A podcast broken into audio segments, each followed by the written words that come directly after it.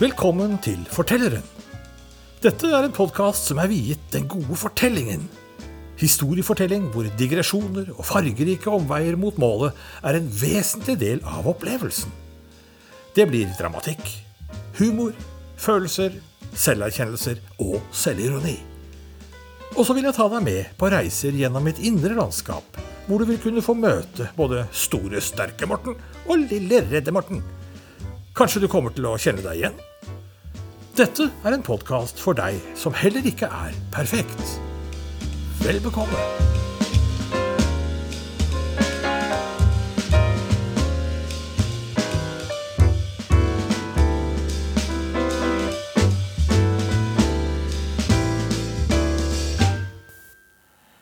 Hei sann! Jeg heter Morten Golimo og har levd et rikt, spennende og til tider turbulent liv som frilansjournalist, fotograf, kunstner og pappa. Slik blir det gode historier av. I dag skal jeg fortelle om den gangen jeg trosset væpnede vakter og strenet ut på den internasjonale flyplassen i Barcelona for å finne og plukke med meg kofferten til en av Norges mest folkekjære artister gjennom 40 år, nemlig Grete Kausland. Dette er en historie som handler om at dumskap noen ganger lønner seg.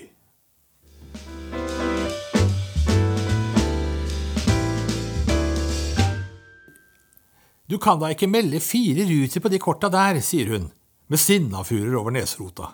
Vreden hennes var ikke dyp, og slett ikke langvarig, bare tydelig, og gjerne etterfulgt av en raspende latter. De kan ikke melde slik, vet de, kunne hun si, for eksempel på ordentlig finbergensk, og med struttemunn. Grete Kausland likte å slå på ulike dialekter når hun skulle påpeke et eller annet, for eksempel ved å understreke et poeng eller, eller noe sånt gjerne på bergensk. Og var, det, var hun riktig i slaget, skiftet hun navn og ble til Hildegunn Gerd. Det var det dummeste dobbeltnavnet hun visste. Hun konkurrerte gjerne med seg selv med, med å finne idiotiske dobbeltnavn som hun syntes var hysterisk morsomme. Fridtjof Aksel, for eksempel. Eller Dankert Arne. Eller Solfrid Aase. men, men Grete landet altså på at Hildegunn Gerd var det dummeste. Vi satt på en fortausrestaurant i Malaga og spilte whist. En slags eh, slapp utgave av bridge. Eller rettere, vi var nettopp ferdige med å spille whist, og hadde gått over til å spille kasino. Grete elsket å spille kasino. Hun likte å spille whist også, men kasino var liksom toppen. Kasino spilles med minimum to spillere. Ja, altså, Det sier seg jo for så vidt selv at ikke det går an å spille kortspill med mindre enn to spillere det, det blir jo å legge kabal. Eh, det blir jo like dumt som om det i reglene for kabalspill skulle ha stått For å kunne legge kabalen kreves et minimum av én spiller. Altså, man kan jo simpelthen ikke være færre enn én for å legge en kabal. Det er noe de fleste kan forstå. Og nettopp derfor så står det ikke noe om antall spillere når det gjelder å legge kabaler. Men skulle det stått noe i reglene for kaballegging, om antall deltakere i spillet, så burde det faktisk vært presisert at det ikke skal være flere enn én spiller. Altså, jeg mener altså, Noe av det mest irriterende i verden, kanskje bortsett fra det at nesehår blir for lange slik at de kiler, er at noen i grenseløs frimodighet bryter seg inn i andres kabaler og sier at ruter fire går på kløver fem. Altså, det er ikke bare frekt men direkte desillusjonerende og burde vært straffet med å bli fratatt retten til automatisk utfylt selvangivelse. Vel, vi satt i Malaga og spilte kort. På en fortausrestaurant, og vi drakk rosévin. Det var siste dagen på vår reportasjereise. Vi var sammen med en av Gretes beste venner, Kjell. Han spilte også kort, men var ikke spesielt god, mener jeg å huske. Eller jo, når jeg tenker meg om, så var han vel egentlig bemerkelsesverdig dårlig til å spille kort. Ikke kunne han løpe heller, stuttjukk som han var. Det viste seg ganske tydelig da han raste av gårde, altså vel i den grad han på noen som helst måte var i stand til å rase av gårde. For å redde min pipetobakkspung, som var til forveksling lik min skinnportemonee. Det hadde seg slik, som jeg vel allerede har fortalt, at vi satt på en fortauskafé. Eller restaurant, da, hvis du absolutt uh, insisterer. Jeg satt ytterst mot det hvite plankegjerdet som skilte restaurantområdet fra det offentlige fortauet. På bordet lå, foruten kort og Kjells brillehus, min tobakkspung av mykt, lekkert kalveskinn. Ekte kalveskinn. Jeg hadde det med å røyke pipe den gangen, med tobakk som duftet av karamell. Plutselig kom en ung mann forbi stedet vi satt. Han bøyde seg over gjerdet, smilte vennlig og spurte om jeg hadde fyr. Ja, selvfølgelig, ikke bare hadde jeg fyr, men jeg hadde en ekte Ronson-lighter med gullornamenter, som også var omsvøpt i skinn. Stil må man ha, det var liksom min filosofi den gangen. Idet jeg førte hånden ned i jakkelomma for å bringe lighteren til anvendelse for den høflige unge mannen, så grabbet den samme høflige unge mannen min tobakkspung til seg og la på sprang. Det var da underet skjedde. Kjell, som fra Vår Herres hånd ikke var skapt for fart, og i særdeleshet ikke for langdistanseøvelser, spratt, på ytterst moderat vis riktignok, opp fra stolen og løp etter den høflige unge mannen. Selv ble jeg sittende ganske rolig og syntes det på sett og vis var ganske, ganske fornøyelig å tenke på at den høflige unge mannen nå var i besittelse av noe han snart skulle erfare å være hans minst inntektsbringende næringsaktivitet den dagen. Hva skjedde? spurte Grete. Hun var dypt konsentrert om kortene sine, men kikket opp et øyeblikk grunnet oppstyret. Fyren knabba tobakkspungen min. Hvem? Kjell? Nei, han som spurte om fyr. Ja, men Kjell røyker da ikke. Nei, altså, Kjell løper etter han som knabba tobakkspungen min. Han trodde sikkert det var lommeboka mi, men den har jeg her, forklarte jeg, og fisket min portemonee fram fra innerlomma. Slike hendelser syntes Grete var så ustyrtelig morsomme, så hun kastet seg bakover i stolen og lot en altomfattende latter runge gjennom Malagas gater. Noen minutter senere kom en pesende, tobent og gjennomsvett rødbete til syne. Den, altså Kjell, dumpet ned i stolen sin. Det tar litt tid før han er klar for å fortelle om den spontant besluttede utflukten sin. Ja, altså, jeg løp. Oh, jeg løp etter ham. Og, og, jeg løp og jeg løp.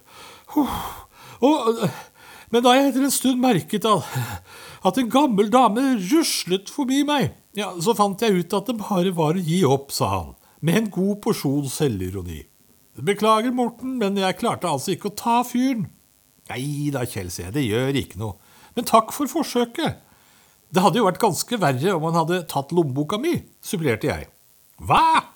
Han tok deg lommeboken din, jeg så det selv, det lå der borte ved pipa di. Ja, tobakkspungen, ja, men ikke lommeboka. Kjell falt sammen i en symbiose av latter og fortvilelse, og Grete lo så hun holdt på å miste kortene. Men altså, det hadde ikke vært mulig, for hånden hennes var altfor god til at hun kunne finne på noe så fatalt. Men tobakkspunktstyveriet er altså ikke vesentlig eh, i denne sammenhengen, egentlig. Eh, faktisk ganske underordnet når det kommer til stykket. Kjells primæroppgave på turen var ikke først og fremst å være min livvakt og tobakkspungredder, men å være medisinsk velgjører og faglig konsulent, hva nå enn det måtte innebære. Men la oss si han var det.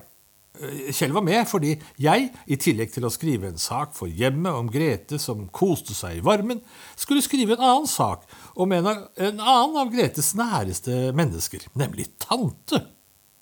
Hun het liksom ikke noe annet enn tante selv om det noen ganger er blitt hevdet at hun også ville lystret navnet Åsta Hjelm.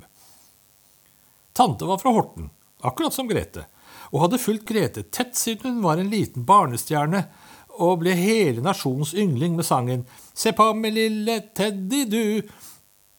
Ja, som synges vesentlig bedre av salige Grete Kausland. Tante skulle altså teste ut de helbredende, varme kildene i fjellene rundt nord for Malaga. Kjell var lege og skulle vurdere virkningen av tantes varmekildeplasking og gytjekravling. Det måtte være faglig substans involvert for at hjemmet skulle være interessert i å lage en reportasje som innebar å taue fire mennesker ned til Sør-Spania en ukes tid for å skrive om noe som i realiteten ikke hadde nevneverdig betydning for menneskeheten. Heller ikke for Grete eller tante. Eller Kjell, for den saks skyld. Men jeg fikk iallfall mitt eh, frilanshonorar og noen herlige dager sammen med flotte mennesker. Det var altså siste dagen før hjemreise. Vi skulle reise tilbake til eh, Oslo via Barcelona, hvorfra det skulle gå direktefly til Oslo. Eh, vi hadde gjort unna de faglige oppgavene, som sommerprat og fotoshoot ved bassengkanten, og kunne slappe av og kose oss. Ikke fordi vi ikke hadde kost oss dagene tidligere på reisen, langt ifra. Det var nesten ikke mulig å ikke kose seg når man reiste med Grete. Det var latter, spas og fjas, nærmest uavlatelig. Enn skjønt, det var også rom for lange, spennende og nære samtaler om angst og usikkerhet og legeskrekk. Og livet generelt. Grete kunne mye om, og snakket gjerne om, den delen av tilværelsen som kalles livet. Spesielt den delen av livet som omfattet hennes eget. Hun var fryktelig redd for at det skulle gå over. Livet, altså. Det var derfor hun hadde legeskrekk. Hvis hun gikk til lege, så kunne hun jo få greie på at hun snart ville dø av et eller annet. Og det ville hun jo ikke vite noe om, altså. Så det fikk bare gå som det ville, mente hun. Mens vi satt og spilte kasino, kom Grete på at hun gjerne ville reise til Nice og treffe guttene sine altså sine venner og kolleger i Dizzie Tunes, istedenfor å bli med meg tilbake til Oslo. Dizzie Tunes var en norsk showgruppe som var veldig populær på 70-, 80- og 90-tallet. Eh, med de folkekjære frontfigurene Tor Erik Gunnstrøm og Ingvar Numme. Faren til Thomas Numme, hvis noen ikke skulle vite det. Tante skulle bli igjen i kulpene oppe i fjellene, hvor hun, sannsynligvis sørgelig fånyttes, forsøkte å lauge seg til bedre helse. Jeg savner gutta, sa hun og kylte et vinnende kort ned på bordet og sanket inn en durabelig poenggevinst. Den etterfølgende raspende latteren var ikke vondt ment. Ingenting av det Grete gjorde eller sa, kunne være ondartet. Grete var tvers igjennom god og vennlig. Ja, hun var faktisk redd for å ikke være god nok. Og Grete var av de få mennesker jeg visste om som fikk meg til å føle meg vel til å føle meg inkludert, selv om jeg bare var en journalist som opplevde at jeg trengte meg på og var til bry. Det var en følelse jeg ofte fikk i møte med kjente mennesker. Å være, være den brysomme journalisten som måtte late som han var stor og sterk og høy og mørk. Noe jeg i og for seg var. Eh, høy og mørk, altså. Iallfall ifølge, ifølge politiet, som en gang registrerte meg som 1,89 og mørk blond. Det er jo nesten som å være mørk, er det ikke?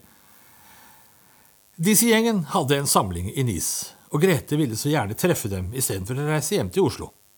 Men nå hadde disse gutta altså dratt til Nis, og Grete ville gjerne treffe dem der. Det betød i så fall at Grete måtte booke om billetten sin. Eller rettere, jeg måtte booke om Gretes billett. Grete var ikke så flink til den slags.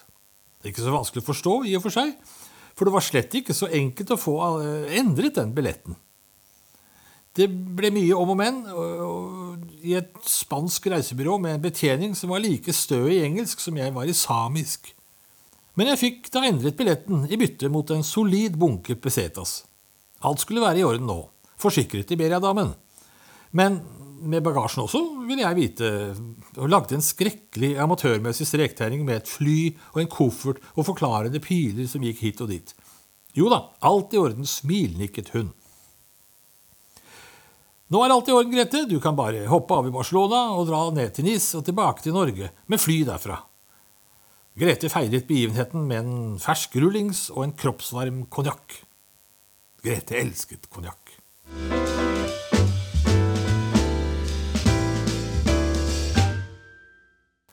Bagasjen sto klar da taxien kom for å kjøre oss til flyplassen. Kjell var der, jeg var der, men ikke Grete. Sjåføren satt halvveis inn på setet sitt og trommet med fingrene på rattet på spansk vis. Nå vet jeg i og for seg ikke om rattromming foregår vesentlig forskjellig fra kultur til kultur, men dette opplevdes ja, veldig spansk. For å vinne tid så stablet vi kofferter og bager og slikt inn i bagasjerommet, og så kom Grete løpende. Unnskyld meg, altså, men jeg, jeg måtte bare ringe tante. Ja, ja, ja, det går bra, vi rekker flyet, sa jeg beroligende. Hadde hun det bra? spurte jeg da vi presumptivt trygt satt i taxien som hadde kraftig medvind på veien til flyplassen. Hvem? Tante? Å ja, ja, ja, selvfølgelig, ja. Nei, nei, det vet jeg ikke. Vet ikke? Nei, jeg, jeg fikk jo ikke snakket med henne. Ja, men du sa jo at du nettopp hadde ringt henne. Ja, jo, men altså, jeg fikk jo ikke snakket med henne. De prøvde å finne henne, men, men ingen visste hvor hun var, og så lette de hele hurven der oppe, og det tok jo sin tid, da. Til slutt så måtte jeg bare gi opp. Jeg prøvde igjen og igjen, men ja, jeg får prøve etterpå. Når jeg kommer til Nis, sa hun og lo. Nå gikk ting radig unna, uten heftelser og uforutsette hendelser. Flyet tok av presist og landet like pliktoppfyllende i Barcelona halvannen time senere. Jeg var i transitt og tenkte ikke å plukke opp bagasjen min. Men Gretes koffert skulle jo altså komme på bagasjebåndet, slik, slik jeg hadde avtalt med Iberia-damen. Og jeg var av den oppfatning at da jeg hadde kansellert siste halvdel av flyreisen og erstattet den med en rute til NIS, altså to ulike flyvninger, men, men, bare med ti fingre til rådighet, pluss en strektegning som nok bar mer preg av gode intensjoner enn høy informasjonsverdi, så hadde jeg tydeligvis ikke nådd fram med mitt budskap. For det kom ingen koffert. Grete hadde mange kvaliteter. Massevis av dem, faktisk. Men en av de hun manglet, var å beholde ro og fatning når ting gikk litt på tverke. Og nå gikk ting litt på tverke. Kofferten min, brekte hun som en lammende søye. Hva skal jeg gjøre nå? Du skal ikke gjøre noen ting. Jeg skal finne kofferten for deg, glapte karslig ut av meg. Jeg var i en alder hvor min evne til realitetsorientering, i den grad jeg hadde den evnen, gjerne ble satt til side til fordel for en uredd intuisjon og hasardiøse forsøksprosjekter. Bemerkelsesverdig ofte funket det. Så også denne gang. Først gikk jeg selvsagt til informasjonskranken og la fram saken. Jeg spurte om eh, hvor jeg kunne plukke opp Gretes koffert. Nei, det trodde det ikke var mulig å få til for bagasjen som skulle videre til, fra Barcelona, var jo allerede tatt ut av flyet og kjørt til omlasting til neste destinasjon. Ja, men så bra, da, kveet jeg optimistisk. Da er kofferten til NIS likevel. Nei, kofferten til denne passasjeren skal til Oslo, informerte herren i luka. Nei, på ingen måte, korrigerte jeg. Den skal hentes her, i Barcelona, slik at denne passasjeren kan sjekke inn på nytt til flighten til NIS om en time. For sent, sa skrankegjøken. Bagasjen er sjekket inn til Oslo, ikke noe vi kan gjøre med det, sier han og smeller billetten i skranken. Omtrent med samme bevegelse og styrke som Grete pleier å gjøre når hun har eksepsjonelt gode kort å spille ut. Forskjellen er bare at når Grete gjorde det, så var det med et triumferende smil og et ha, etterfulgt av en karakteristisk røykelatter, mens, hun, mens altså fyren i luka så ut til å trene på sin egen død. Vel, da var det bare å improvisere. Kofferten må jo befinne seg et eller annet sted på denne flyplassen, tenkte jeg. Jeg måtte bare finne ut hvor. I ren MacGyver-stil begynte jeg og så å snike meg rundt og kjenne på dører. Jeg hadde orientert meg såpass at jeg visste at jeg befant meg på samme nivå som bagasjetrallene på utsida. Det gjaldt simpelthen bare å finne, ut, altså finne en åpning ut dit. Verre var det jo ikke. Så jeg var som tidligere nevnt sparsomt utrustet med hemninger og evne til å veie farer opp mot realisme når jeg var i sonen. Det går da helst bra, tenkte jeg. Så når jeg skaper en indre forståelse av noe, og blir trygg på at jo, det her går vel greit, så utkonkurrerer min indre forestillingsverden all fornuft og evne til å stille adekvate oppfølgingsspørsmål, som en journalist gjerne gjør.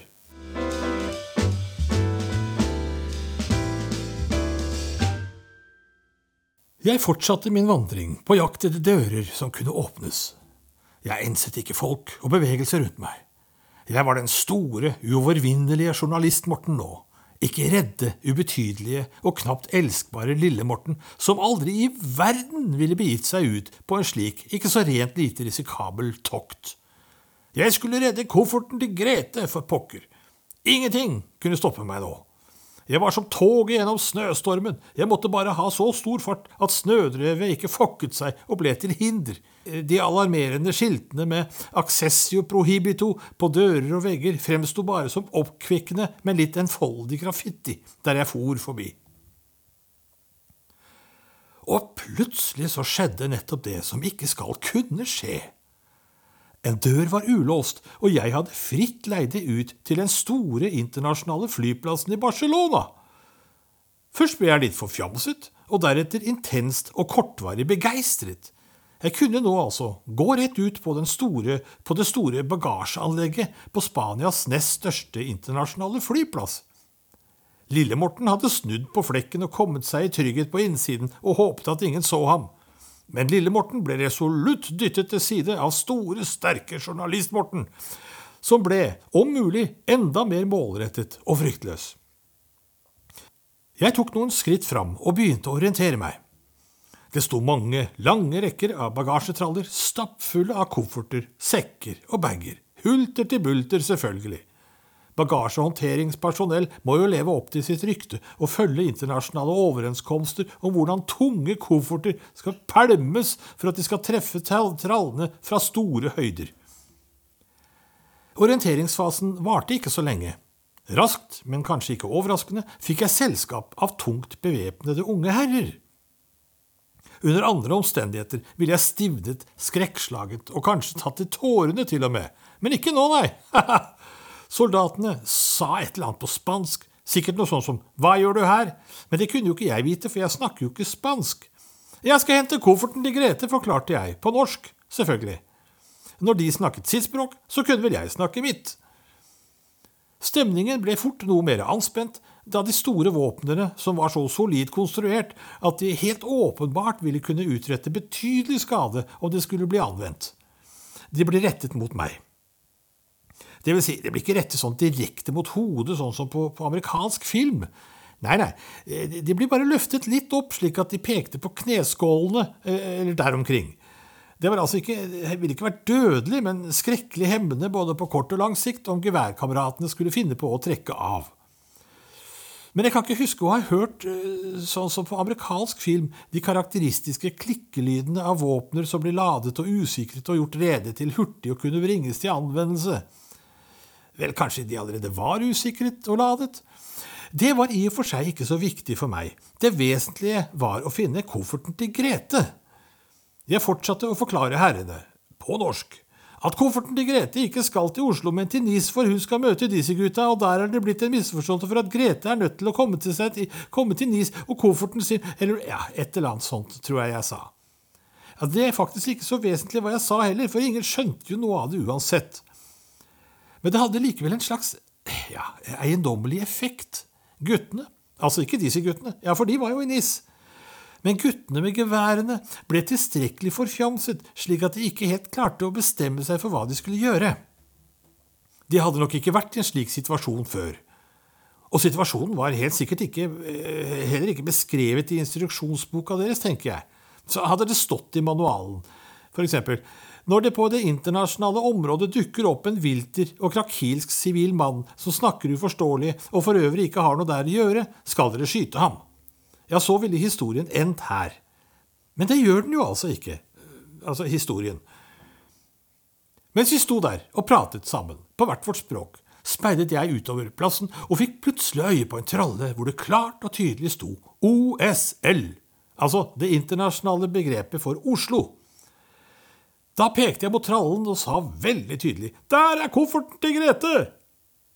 Og så begynte jeg resolutt å gå i den retningen.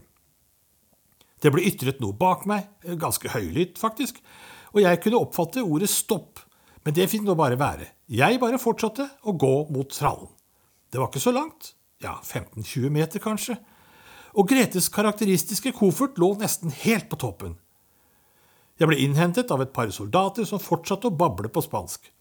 De skjønte åpenbart ikke at jeg ikke forsto et kvidder.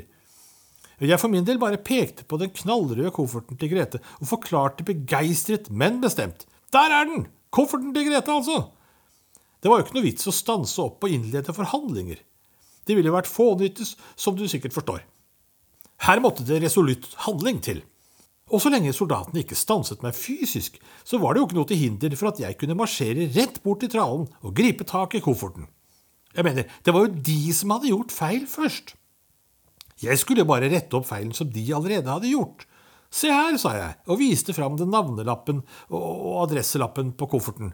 Grete Kausland står det her. Denne kofferten skal ikke til Oslo, men til NIS, sa jeg, for at de skulle skjønne at jeg ikke var en simpel tyv på jakt etter lettjent rov. Jeg ventet ikke på noen respons fra geværdudene. Jeg bare tok kofferten, tverrvendte og gikk like resolutt tilbake som da jeg kom. Og det virket på sett og vis beroligende på de brunkledte. Eller kanskje de bare hadde resignert og øynet en sjanse for at hele episoden ville gå over av seg selv, og at jeg ville forsvinne på like mirakuløst vis som jeg hadde ankommet. Og i og for seg var det jo, var det jo nettopp det som skjedde. Jeg møtte fremdeles ingen motstand da jeg grep rundt håndtaket på den tunge jerndøra og åpnet den slik at den sivile verden innenfor, selveste friheten, ble tilgjengelig igjen. Det ble ikke tid til noe farvel eller hyggelige avskjedshilsener. Det er mulig jeg kom til å si noe sånt som goodbye eller thank you eller noe sånt noe, eh, eller en eller annen høflighetsfrase, men det husker jeg i så fall ikke. Jeg var bare fokusert på oppgaven å redde Gretes koffert.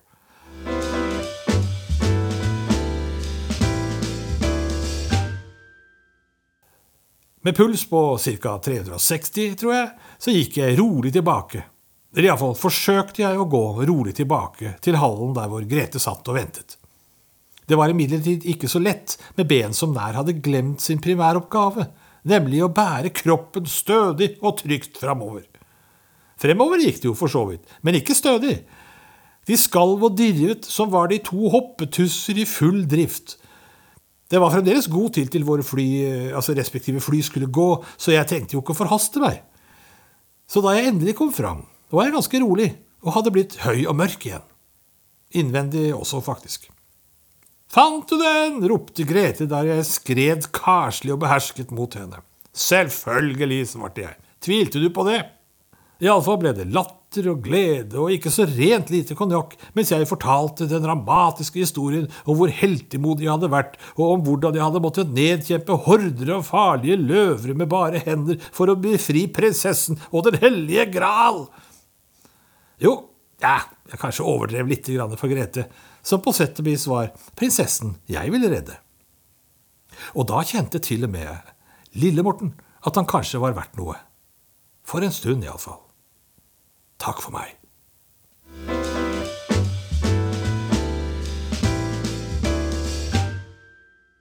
Du har hørt på podkasten Fortelleren med og av Morten Golimo. En podkast som er viet den gode historien, og hvor veien frem til poenget er like fargerik som omstendelig.